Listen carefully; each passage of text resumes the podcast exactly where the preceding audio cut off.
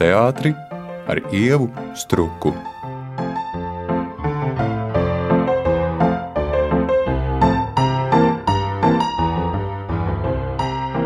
Mana viesņa raidījumā Šņurbēniņa ir Nacionālā teātris ilgadīgā sufliere Ilza Meškova. Sveika, Ilza! Sveicināti! Es vēlējos ļoti uzaicināt tevi uz šo raidījumu, tādēļ, ka visu pusgadu mēs veltam uh, raidījumu tam, lai aprunātos ar tiem cilvēkiem, kas nekāpjas skatuves ikdienā, kas nav aktieri un kas neizstudē izrādes, kas nav režisori, bet bez kuriem teātrim ir grūti pastāvēt. Vienlaikus, gatavojoties mūsu sarunai, es apskatījos profesiju klasifikātoru un secināju, ka tava profesija, suflieris, neparastā kārtā, es biju ļoti pārsteigta, tomēr ir profesija klasifikātorā. Vārds sakot, tu esi oficiāli iegrāmatota kā citi mākslas un kultūras speciālisti. Bet es par to tik ļoti brīnījos, cik man zināms, dramatiskajos teātros tu esi palikusi vienīgā kā ir visu mūžu nodarboties ar to, ar ko neviens cits nenodarbojas. Tu man uzdod ļoti sarežģītu jautājumu. Kā ir nodarboties ar to? Nu, tas vienkārši ir tāds darbs. Es esmu pie tā vienkārši jau pieradusi, un es to strādāju. Bet kāpēc negribas to pamest? Kāpēc tas darbs ir interesants? Ar ko tas tev ir interesants? Nu, pirmkārt, tas ir teātris, un tas ir tomēr darbs ļoti tuvu skatuvei ar aktieri, ar režisoriem. Ļoti interesanti ir būt klāt, tad, kad tiek veidot izrāde. Ja tu vari palīdzēt aktierim, ja tu viņam ir noderīgs tieši teksta apgūšanā. Ir interesanti būt teiksim, arī ar dramaturģiju, labu, ar, ar, es nevaru tev precīzi noformulēt. Bet vai tu esi domājis par to, kā citos teātros bez tā var iztikt Nacionālajā teātrī aktieriem ir sliktāka atmiņa? Nē, suflieri ir, suflieri ir bijuši visos laikos. Sākot ar ļoti seniem laikiem, un ir bijuši visos teātros suflieri, un pat divi suflieri bija mums.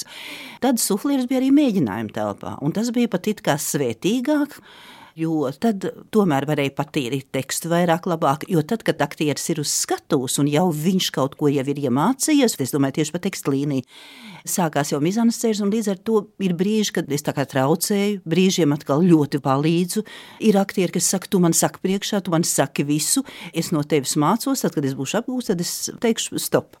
Tad, kad divi suflieri bija, tad... Uh, Tā bija svētīga lieta, tikai izņemot to, ka nu, tad jau arī mm, suflieris bija visās izrādēs. Tagad suflieris ir tikai pirmajās trijās pirmizrādēs, ja ir divi sastāvi, tad tikai katram sastāvam divās izrādēs, un tad jau aktieri spēlē paši bez suflieru palīdzības. Bet tad, kad ir teiksim, pārtraukums, mēnesis nav izrāda bijusi, nu, tad jau suflieris tomēr tāda kā tāda drošības, drošības sala var būt tāda lonža. Vingrotais vingro pats, suflieris lonža. Tava vieta, un klausītāji droši vien lielākā daļa nezina, izrādes laikā ir lielās zāles, aizkulisēs, labajā pusē, ja mēs skatāmies no skatītāja skatu punkta. Vai es pareizi saprotu, ka senākos laikos sufliera, nu, gliemežvāks vai būve vai pajumte ir bijusi skatuves vidū arī? Vai to es esmu izdomājis no citu teātru paraugiem? Tas ir tā bijis, un es esmu šajā būdā, saucamajā sufliera būdā, sēdējusi 20 gadus. Tas eh, gliemežvāks tā ir tikai virspusīte, bet eh, tā būda bija tāda mazītiņa, šaura, šaura, divas trepītes, un tad tā lēni iegriežamies, un viņa bija krēsla platumā tā būda. Un manas deguns nesliedzās līdz skatuves malai, tikai acu augstumā, tāda maza lampiņa, tāda metāla. Ja tu pieliecies, tad varēja arī pieru apsvilināt. Tad, protams, aktieri labāk varēja redzēt, bet nu viss putekļi, viss, kas nāca, tas viss nāca tur. Un bija arī problemātiski reizēm varbūt iedzīvoties klaustrofobiju, jo tik šaurā telpā sēžot, divas stundas citreiz iet cēliens, Nu, tas sevišķi patīkami nebija, bet vieglāk katrā ziņā bija. Tad redzēja aktieru acis. Tomēr. Mm. Bet, Iels, bet tas ir mans priekšstats, protams, ka es atvainojos, bet redzu nu, nu, aktieru kājas, nevis aktieru acis. Tiešām redzēja acis. Nu, tad, kad atliec galvu, tad tu augšā redzi mm. arī acis. Tad kā tas ir skatīties no šāda tik ļoti īpatnēja leņķa? Izrādi. Jo nu, nav tā, ka tu tikai skaties eksemplārā, nu, droši vien arī redzi. Eksemplārs izrādi. un galva augšā, mm. galva lejā, galva augšā. Nē, var skatīties, bet sajūta ir tāda, ka tu ļoti labi redzi aktieru, viņš ir tik liels. Un tad, kad bija tāda situācija, ka man nācās ielikt ar būdu uz baznīcu, kad bless bija slim, šausmīgā panikā, suflieru būdā, toreiz bija otrs suflieris. Pēc tam, kad klanījāmies, tad es skatos, ka Dievs tur izrādās redz, ko es esmu pavisam maziņa un tālu un dziļi apakšā. Bet sēžot būdā, ir sajūta tāda, ka tas aktieris man to redz tā ļoti labi. Tātad arī aktieris man redz kaut kur apakšā tajā būdeņā tādu mazu, mazu knislīti. Bet, nu, dzirdēt, es domāju, ka normāli tur varēja. Bet es nevaru neizmantot iespēju, nu, kad šādu veidojumu nojauca. Veidojumu nojauca tad, kad uh, bija restaurācija, kad remonts bija. Tik nesen. Tāpēc es saku, apmēram 20 gadus tur sēdēju. Jā, šis ir ļoti interesanti. Jo tev tagad savukārt sanāk izrādi skatīties tādā ļoti īpatnējā leņķī. Nu, tu viņu redzi vispār tikai no sāna vienā virzienā, arī aktieru sānus tur redzi. Jā, reizēm arī tad, kad ir aizbūvēta dekorācija, tā kā tā vietiņa, kur es sēžu, ir vai nu ļoti šauriņa, tur ir ļoti normāli, es redzu, bet ir reizes, kad pavisam ir ciet. Un tā kā pat labāk izrādēja tukšais zieds, es esmu iespraukusies starp priekškaru, un to gaismotāju trepīti, un man aiz muguras ieliek krēsliņu, tad es tur apsēžos, un es esmu tajā priekškara spraugā iespiedusies. Bet tad, kad šādi, teiksim, ir uzbūve, tad mēģinājumu laikā es sēžu zālē, pirmajā rindā, līdz ģenerāla mm. mēģinājumiem, un tad es redzu tomēr aktieru labāk, un arī, nu, svarīgākais arī būtībā ir tas mēģinājuma process, izrādējot tomēr tā palīdzība ir, nu, ir ļoti labi, ja nav nepieciešama šī palīdzība. Jo visbriesmīgākais, kas var būt, tas ir tad, kad publika dzird suflieri un aktieris.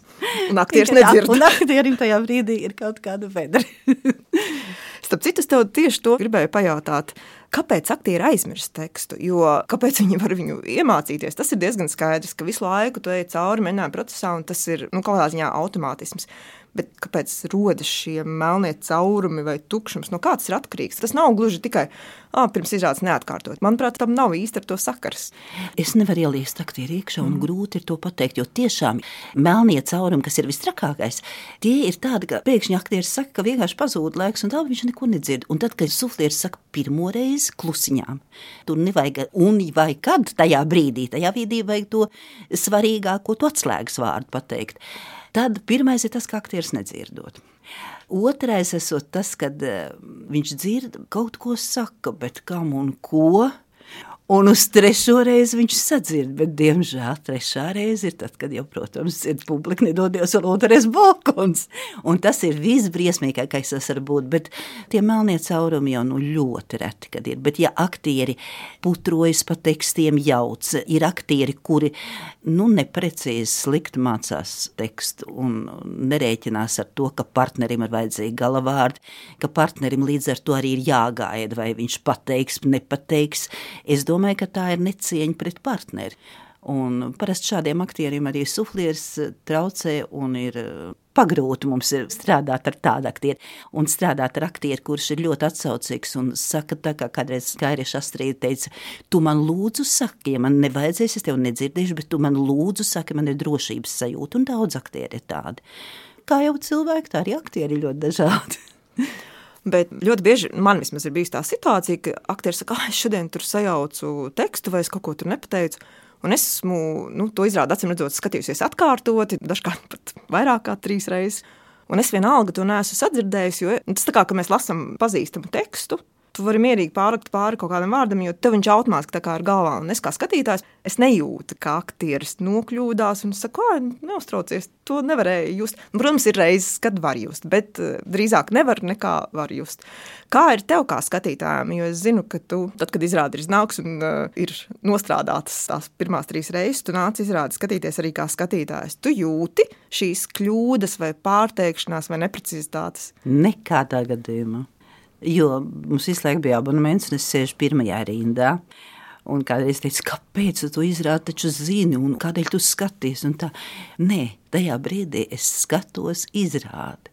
Es tiešām skatos izrādi, un man ir līdzpārdzīvojums tāds pats, lai gan es zinu tekstu un zinu, kas tur viss notiek, bet man ir interesanti skatīties. Es tas... citu tieši arī to tev gribēju pajautāt, vai nav tā, ka finālā tava galva ir pilna ar lielu daudzumu tekstu, jo nu, es šo sajūtu sev dažkārt esmu pieķārs, it sevišķi jaunībā, kad atmiņa bija labāka, ka principā es varu tādus gabalus jau gan izvai aptuveni, bet citēt. Tu zini, ar gabaliem ir tā, tad, kad es skatos izrādi televīzijā, Tad ir tā, ka vīrs saka, lūdzu, ārā vai apklust. Un es suflēju bez eksemplāra, bet, kad aktieris saka mūžīgie murgi, kad nav kostīma, nezinu tekstu, man savukārt ir tā, murgi vai sapņi, ka man ir cits izrādes eksemplārs, un es pēkšņi nezinu, kas viņiem ir jāsaka, un es nezinu, arī šajā profesijā ir profesionāli sapņi vai murgi. Runāt vēl par to izrādes skatīšanos no zāles un tavu profesionālo darbību. Vai ir bijušas reizes, ka tas, ko tu esi darba procesā, sēžot savā sufliera vietā, sajutusi vai saredzējusi, kāda tā izrāda būs, ka tas kardināli atšķirs no tā, ko tu ieraugi kā skatītājs, sēžot zālē un ieraugot visu to kopumu. Kad teiksim, tā bilde un tā skaņa finālā nesaiet kopā, jo tu iztēlosies kaut ko citu, jo būtībā jau tu īsti neredzi to izrādi, kamēr tu strādā. Protams, jā. Ir pilnīgi citādi. Un ir atsevišķas vietas, kuras man šķiet, kaut kas šeit īsti nav skaidrības vai kaut kas nevelk. Bet kopbilde ir tāda, ka tas viss ļoti paņem un ļoti jauki. Un ir arī izrādes, ka liekas, nu, kolosāli, nu, viss kārtībā. Bet tad, kad tu sēdi zālē, tu jūti, ne, nu, kaut kur kaut kāda robiņa. Tomēr kaut kas sižetiski varbūt īsti nav skaidrs. Jo to elpu, kā viņa elpo, to var just tikai no zāles. Tālūk. Tad tāds profesionāls knifs, kas droši vien arī neienāktu prātā skatītājiem. Tas, starp citu, attiecas tieši uz izrāžu vadītāju. Šai kontekstā to arī esmu domājis, ka nu, es varētu strādāt par izrāžu vadītāju. Kāpēc nē? Ļoti interesanti, tu, tu redzi izrādi. Un tad man teātris kolēģi teica, nu, nē, jau tu to nevarētu, jo tu gribētu skatīties izrādi, bet tev jau ir jāpievērš uzmanība pilnīgi citām lietām. Tu nevari nevienu mirkli aizmirsties. Kā tīri tehniski tev kā suflērēji savukārt ir, kad pirmizrādēji ceļš, kad ir vēl tas pirmizrādes stress, tu taču arī principā neredzi neko, jo tev ir tā līdzatbildība un tai galvai jābūt eksemplārā. Kāds fiziski Jā, tieši notiek? tā tas arī ir. Tas ir darbs, un tu vienkārši ļoti koncentrējies uzmanību, un pirmizrādē vēl jau vairāk, jo tad šķiet viss ir kārtībā, viss ir gatavs. Nu, nav gatavs, nu, nu sāk būt gatavs, bet uh, mans darbs tur it kā jau vairs nav vajadzīgs, bet sāks ļoti, ļoti koncentrēt uzmanīšanās uz katru vārdu. Nekādā gadījumā tu nedrīkst sekot līdz sižetam. Plus vēl arī suflējot, ir jājūt, kad aktierim ir pauze un neietrāpīt tajā pauzē. Nu, jāsaka, tā kā elpot vienu elpu ar aktieri un just aktieri. Un tā ir sarežģīta lieta. Nevienmēr tas izdodas, protams. Tāpat kā nevienmēr aktierim gadās trāpīt desmitniekā, tā arī loģiski suflierim ir ļoti kādreiz grūti aptvert, kas, ko, kā, bet izrāda skatīties, vai arī, teiksim, kolēģi mēģinājuma procesā, ka nāk jau ģenerāli mēģinājumi prasa, nu kā, nu kā, es nezinu, nu kā, jo es jau neskatos izrādi.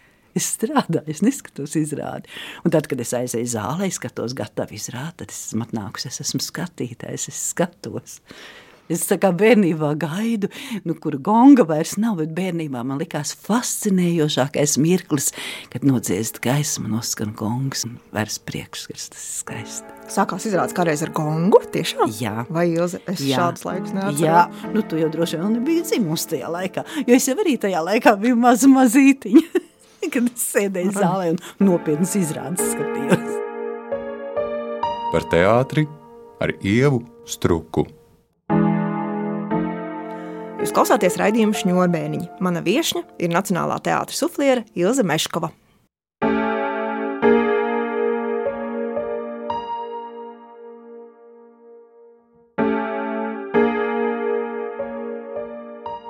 Tad, kad izrādi noņem no repertuāra, tad eh, suflēra eksemplāri nonāk teātris bibliotekā proti, pie manis. Ja. Un tad es esmu, protams, arī dažreiz atšķīris suflieru eksemplāru un runājot uh, tautas uh, garamantu vārdiem.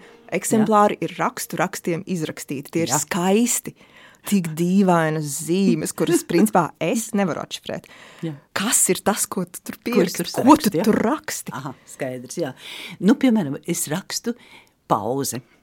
Tātad, tad, kad aktieris kaut kur iet vai maina mizānu scēnu, tā ir tehniskā pauze. Jo, teiksim, tekstā, kur viņam ir pauzes, tur arī tiek iezīmēta, ka es zinu, ka tajā vietā viņš pauzēs. Tad ir nu, gaismas tumsas mūzika, kad ir. Man tas ir svarīgi, lai nu, tomēr es būtu tajā visā justu, kas notiek, un lai nav tā, ka, teiksim, kaut kāds pārsteiguma moments, lai arī es zinu, kur lampiņu nodzēst, tad, kad ir tums, tie ir tehniski. Tāpēc es rakstu tumsa. Tad es atzīmēju arī, ja aktieris kaut kur izlaiž nenugluži tos vārdiņus, un, bet vai, kā kādreiz smējums, bet nu, būtiski, vai arī aizvieto, ja aktieris aizvieto, viņš kādreiz, protams, aizvieto ar līdzvērtīgu vārdu, ja viņš ir aizmirsis to vārdu, un tad nav nepieciešama man palīdzība. Bet ja viņš vārdu runā ar citu jēgu, ar citu nozīmi, tad es attiecīgi pierakstu eksemplāru aizmugurītē, un pie pirmās iespējas es eju pie aktieru un viņam saku, ka šajā vietiņā tu es ierunājis jau to. Tad, kad ir ierunāts tiešām, ka jau otrā, trešā reizē runā to pašu. Bet, nu, mēdz jau būt, ka vienā reizē tā aizmirst, nākošā reizē viņš atkal skatījies eksemplārā, un līdz ar to arī tad nav nekas jālabo, bet tie tad labojumi, var teikt, man zināmie labojumi, kas man jāpasaka aktieriem. Bet, nu, es atļaušos interpretēt, bet tur ir tādi ķekši, kas man atgādina tādus tā kā arābu jau gandrīz ornaments, te ir kaut kādas intonācijas, kāpji, krīt, kaut ko nē, tādu arī, nē, nē, tas tā, tā, nē, nē, nē, nē, nē, nē, tu, tu, pa intonācijām tu tā kā, nu... Nē, nē, nē, Dievs pasarg, vai nu prāt, tāds nē. ļoti tāds, visādā ziņā tie eksemplāri jā, ir tāds. mani hieroglīfi, mm -hmm. tikai man zinām. Nu, tad, kad, piemēram, vērtē izrādes, mūsdienās ļoti bieži saka, ka nu, aktieriem atliek pagriezt galvu sānus, mēs kā skatītāji viņu slikti dzirdam. Kā ir tai tavā vietā? Skaidrs, ka aktierim ir jādzird tevi, ja viņam vajadzēs tavu palīdzību, bet vai tu dzirdi aktieri? Viņš tomēr arī ir kustīgs. Nu, Respektīvi, ka tu pat nevari droši vien pieķert, ka viņš ir kaut ko ne to pateicis vai apklusis ja tad viņš no izmisuma arī veras uz tevi un tu redzi tās izmisuma pilnās acis. Tad veras un izmisuma pilnās acis, protams, bet tad, kad darbība notiek proscenijā, tā ir translācija, kuras ieslēdz un līdz ar to es dzirdu to aktieru un, un, un tad ir um, uz skatuves, jā, ir reizes, ka pat arī mēģinājumā režisors saka, tu runā skaļāk, neko nevar dzirdēt, neko nevar dzirdēt, un arī publikā kādreiz cilvēki žēlojas, ka nevar dzirdēt, ka kādreiz teica agrāk, vecāki tie runāja līdz otrajam balkonam, tā ir dikcija, protams, cik perfekta dikcija.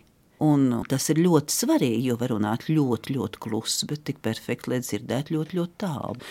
Bet tu tad kā ļoti interesantu lietu, proti, par to dikciju, jo mans vērojums par šiem gadiem ir gandrīz eh, dikcija nav bez nozīmes, to es neapstrīdu.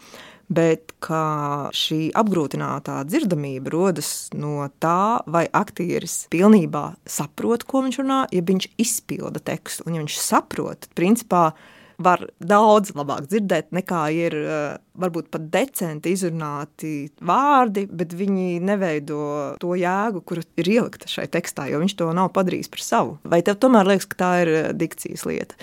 Tu man uzdevi ļoti sarežģītu jautājumu, pat labi. Perfekta dikcija ir profesionāla lieta. Bet, ja aktierim īsti nav skaidrības, tas nenozīmē, ka viņš sāks, teiksim, pēdiņās murmulēt zem deguna kaut ko, tas nebūs tā. Tur tev jāprasa aktierim. Šīs lietas nav saistītas, domāju, ar to viņa neizprašanu, bet tiešām ar elementāru runas aparātu. Cik viņš precīzi runā tekstu Ir aktieri, kas vispār runā ļoti nedecenti, bēr sastrebi. Nu, līdz ar to režisors, protams, arī tā kā izrāda un, un saka, ka te nu nav. Es arī nezinu, vai no. Nu? kurš aktieris spētu atbildēt uz to. Jo diez vai viņš arī atzītu, ka viņš runā to, ko viņš pats nesaprot. Bet, uh, man tā viņš sajūta, neatzīt sajūta man brīžiem ir tāda, ka, un es pat uh, izšķiru, ka tas ir pietiekami skaļi, ka tie vārdi tiek izrunāti pietiekami skaidri, Bet doma iet man garām, garām, garām. Protams, ka vienmēr var teikt, nu, pati vainīga, ka tu nesaproti. Ja? Bet man ir aizdoms, ka tomēr nevienmēr es esmu vainīga, es nesaprotu. Tu zini, ja mēs nenoticam aktierim, sēžot zālē, mēs nenoticam tam tēlam, ja mēs jūtam, ka tas ir kaut kur garām, tad te nav saistības ar dikciju. Tiešām, kā tu saki, var runāt skaidri, bet tā tēla veidošana, tā tēla būtība, tā iekšējā saprašana un tas, ko tu runā, kāpēc tu to saki. Nu, tā ir profesionāla lieta, tas ir jājūt, un nomānīt nedrīkst. Un kādreiz, tad, kad translācijā es dzirdu gardrobē, tik perfekti tās vietas, kur man nomelo, kur es nenoticu. Ļoti acīm redzot, dzirdi tā sāsināta, uztverošā tajā brīdī, ka tu jūti garām, garām.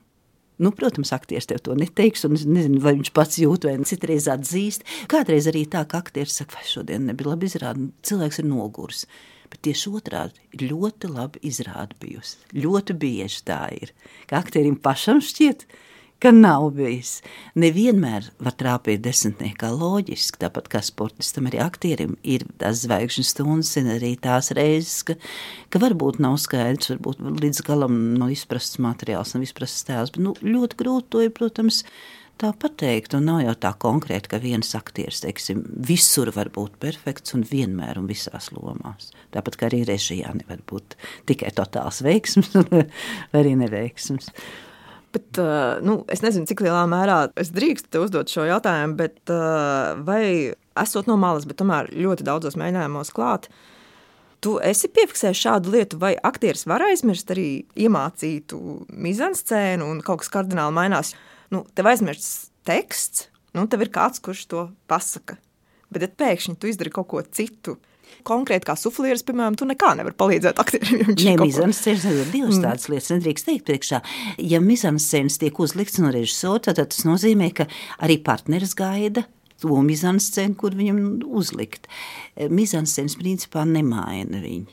Tā ir tāda jau, jau iestrādāta lieta, un ļoti bieži ir tā, ka aktieris saka, pagaidiet, pagaidiet, es tagad eju tur, ah, un tad viņš atceras šajā vietā, pārējot, es saku šo tekstu. Tādēļ arī man eksemplārā ļoti bieži ir šī pauze ielikt. Tas arī ir svarīgi.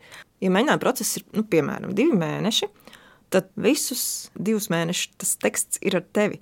Bet, teiksim, tāda mizanscēna, nu, ļoti, ļoti rupji rēķinot, ir pusi no šī laika mizanscēnu ķermenis atceras labāk nekā tava galva brīžiem atceras tekstu. Un mans secinājums, domājot par šo jautājumu, bija, ka tā tad tavs ķermenis ir gudrāks par tavu prātu. Viņā ir tas ielikts iekšā un it kā daudz īsākā laika periodā. Tā sanāk. Teiksim. Tā sanāk. Jo tajā laikā, kad uh, gāja augšā mēģinājuma telpā, jau, jau tad jau sāk kustēties. Aktierim jau jāliek eksemplārs nost, viņš jau tekstu daudz maz ir apgūs, un tad viņam suflieris palīdz. Un tad jau faktiski sākās šīs mizanscenes tekstu vienkārši tāpat automātiski aktieris nemācās. Cilvēks sāk kustēties, darboties, un līdz ar to tas teksts kopā ar darbību nu, būtībā rodas savā ziņā. Tikai nu, drusku mulsinošāk ir tad, kad eh, aktieris aiziet uz skatuves jau, un kad ir dekorācija, kostīmi tad ir nervozāks tas brīdis, jo tad ir jādomā jau par visu, sevišķi kostīmu, kad ir. Tas viss ir kopaini. sakrā ar to, ka ir Covid-19 tik daudz tādas situācijas, ka ne jau tikai Nacionālajā teātrī, visos teātros notiek dažādas ielikšanas, un tad tajās ielikšanās, protams, arī suflieris ir diezgan līdzdalīgs, un viņš ir tajā izrādē, lai būtu tā drošības sajūta. Kas notiek tajā ielikšanas brīdī, uz kādas nervu vai uh, satraukuma bāzes tas aktieris tiek galā ar savu uzdevumu, jo tiešām pat diezgan lielās lomās tomēr lec. Un, protams, ne jau tikai Covid laikā lec, no arī pirms tam ir bijušas dažādas ielikšanas dažādu iemeslu dēļ. Vai tu esi noķēris vai piefiksējis to atšķirību starp darbu, kad tev ir parasta, teiksim, ikdienas situācija un šie varonīgie ielicēji? Varonīgie ielicēji. Par varonīgiem ielicējiem es domāju, ka tā tiešām ir varonīgā ielikšana, un ne katrs aktieris var ielikt. Jo tur ir perfekti ātri jāapgūst teksts, ne tikai teksts, bet nu, jāiekāpj tajos tēla mokasīnos. Līdz ar to tas nozīmē, ka tev ir ļoti koncentrētā īsā laikā jāpaspēj izdarīt tas, ko būtībā pamataktiers, kurš spēlē šo lomu, ir apgūs divu mēnešu laikā. Tā ir ļoti sarežģīta lieta. Un citreiz tas notiek ļoti veiksmīgi, citreiz, nu, protams, varbūt ne tik veiksmīgi, bet nu, ar to ir jārēķinās. Tā ir glābšanas situācija. Un arī tas ir saistīts droši vien ar, ar aktieru nervu sistēmu. Tie, kuri var to izdarīt un kuri nevar to izdarīt, nekādā gadījumā es saku, es neielikšu. Bet uh, publika tomēr ir uh, pilna zāle un gaida šo izrādi. Un, ja ir iespējams to izdarīt, tad šī situācija tādā veidā tiek glābta. Kā tev šķiet, būtu piemēram šādos gadījumos jāpasaka atklāti publikai, ka mums te ir negadījums un vienkārši šovakar spēlēs tas aktieris, un varbūt tad būtu tāds piedodošāks skatījums uz to izrādi, jo man ir bijusi situācija, kur es saņemu īziņu ar tekstu. nu, šovakar jums tas ielicējs nebija pārāk labs. Un es domāju, bet tas cilvēks ir tik varonīgi rīkojies, ka viņš ir mēģinājis darīt visu, kas iespējams. Un varbūt tāds paskaidrojums būtu vērtīgs. Ja tomēr nedrīkst nojaukt to sajūtu skatītājiem, ka tieši tā bija domāts, lai kā tur būtu. Noteikti nē. Nekādā gadījumā nedrīkst jaukt šo sajūtu, nekādā gadījumā nedrīkst pieteikt, ka ir kāds ielicējis, jo tad arī publikai nojūg. Tad viņiem šķitīs tā, ka tā izrāda kļūst mazvērtīgāka. Es domāju, ka nekādā gadījumā to nedrīkst darīt. Tas ir tieši tāpat kā ar dublantiem. Ir, ir skatītāji, kur nāk uz konkrēti aktieri, un tajā brīdī vienkārši ir otrs aktieris, Un skatītājs jūtas vīlies, kā mans mīļotais aktieris nav šovakar. Bet tas jau nenozīmē, ka tāpēc mm, iziet uh, publikas priekšā un teiktu, ziniet, mums šoreiz nebūs jums jākauļ, jo šoreiz jums būs dumpis. Nu, es tomēr saprotu tos akoļu fanus. Un otrādi tā varētu teikt, jā, jo, nu, jā. ja mīlulis, tad mīlulis tur neko. Jā, jo ir cilvēki, mm. kuri nāk tieši uz konkrētu aktieru. Agrāk ir sevišķi tikai to aktieru vēlējies redzēt. Vai tava darba sarežģītību nosaka tas, cik daudz teksta ir izrādē, vai tas, kāda ir šī teksta grūtības pakāpe? Nu, ka, piemēram, tur ir nezinu, saistītā valodā, vai rainis, vai kāda ļoti gara monologa. Kas ir grūtāk? Man ļoti patīk, kad ir teksts saistītā valodā. Un man ļoti pārsteidz, ka jaunie aktieri Viņiem ir grūtības ar šo saistīto valodu. Mums ēna Matejas nāca palīdzēt viņiem to apgūt. Es domāju, nu, kā var runāt Šekspīra saistītā valodā, cilvēks nejūt to, kur doma pāriet uz ko, uz konkrēto kādu domu no divām rindām. Viens vārds tur varētu būt tas svarīgākais. Kā var to nejust? Tas ir pārsteidzoši. Un attiecībā uz to, kad ir grūtāk, ļoti liela koncentrēšanās ir nepieciešama tad, ja ir ļoti gari monologi jo ir tās atsevišķās vietas, kur doma mainās un tā kā pēdiņās sakot pārlec uzreiz uz citu domu, tur ir sarežģīti. Un ļoti jākoncentrējas ir arī tad, kad ir katram pa mazai frāzītē, pa mazai frāzītē, pa mazai frāzītē. Viens, otrs, nākošais, un ja tas tādā pavidieniņā viens ar otru sakabinās, tad ir labi, bet ja tās frāzītes reizēm ir tādas, ka aktieris saka, es nesaprotu, uz ko tur viņš iet, kāpēc pēkšņi pārlec no vienas domas uz otru domu, un tad arī ir sarežģīti. Tad arī ir sarežģīti. Un saviem vārdiem runāšana ir visbriesmīgākais, kas var būt. To gan vēl gribu noslēgumā pajautāt, kā tu jūti, kā mainās valodas izjūta. Nu, mēs nevaram arī turēties pretī tam, kā virzās valodas attīstība, bet vai ir kaut kādas lietas, ko tu gribētu pieminēt, no kā tomēr būtu svarīgi izsargāties, izvairīties, lai latviešu valoda būtu teātrī arī pēc, nezinu, vairs jau neuzdrīkstos teikt pēc simts gadiem, bet vismaz, lai pēc 50 gadiem mēs runātu latviski teātrī. Suragāt vārdi. Par to būtu ļoti jāpiedomā. Un ja tēls kā tāds pēc savas iekšējās būtības varētu runāt šādā stilā, tad es saprotu, kādēļ viņš tā runā. Bet, ja vispār tekstā ir kaut kāda valodas netīrība, tas nav piedodami. Man šķiet, jā, man vairāk tev nav ko teikt. Sufliera vieta ir vis tālākā iespējamā vieta no šņurbēniņiem, un tomēr šī raidījuma nosaukums ir šņurbēniņi. Tad ar ko tev saistās šņurbēniņi? Šņurmēriņi man saistās ar to mirkli, kad man mamma, būdama aktrise, mani maziņu uzveda augšā uz šņurbēniņos, Un man likās, ka Dievs, cik es esmu augsts un cik tā skatuve ir zemu un aktieri maziņu. Man trīcēja kājas, bet man tas likās tik fascinējoši. No augšas skatīties to visu kā tādā brīnumā. To mirkli atceros. Jā. Paldies, Ilzi, kā paviesojies raidījumā Šņurbēniņi. Mana viesņa bija Nacionālā teātra sufliera Ilze Meškova. Ar viņu sarunājās Ieva Struka un šņurbēniņa producente ir Sandra Ņetvecka. Paldies par uzaicinājumu! Paldies!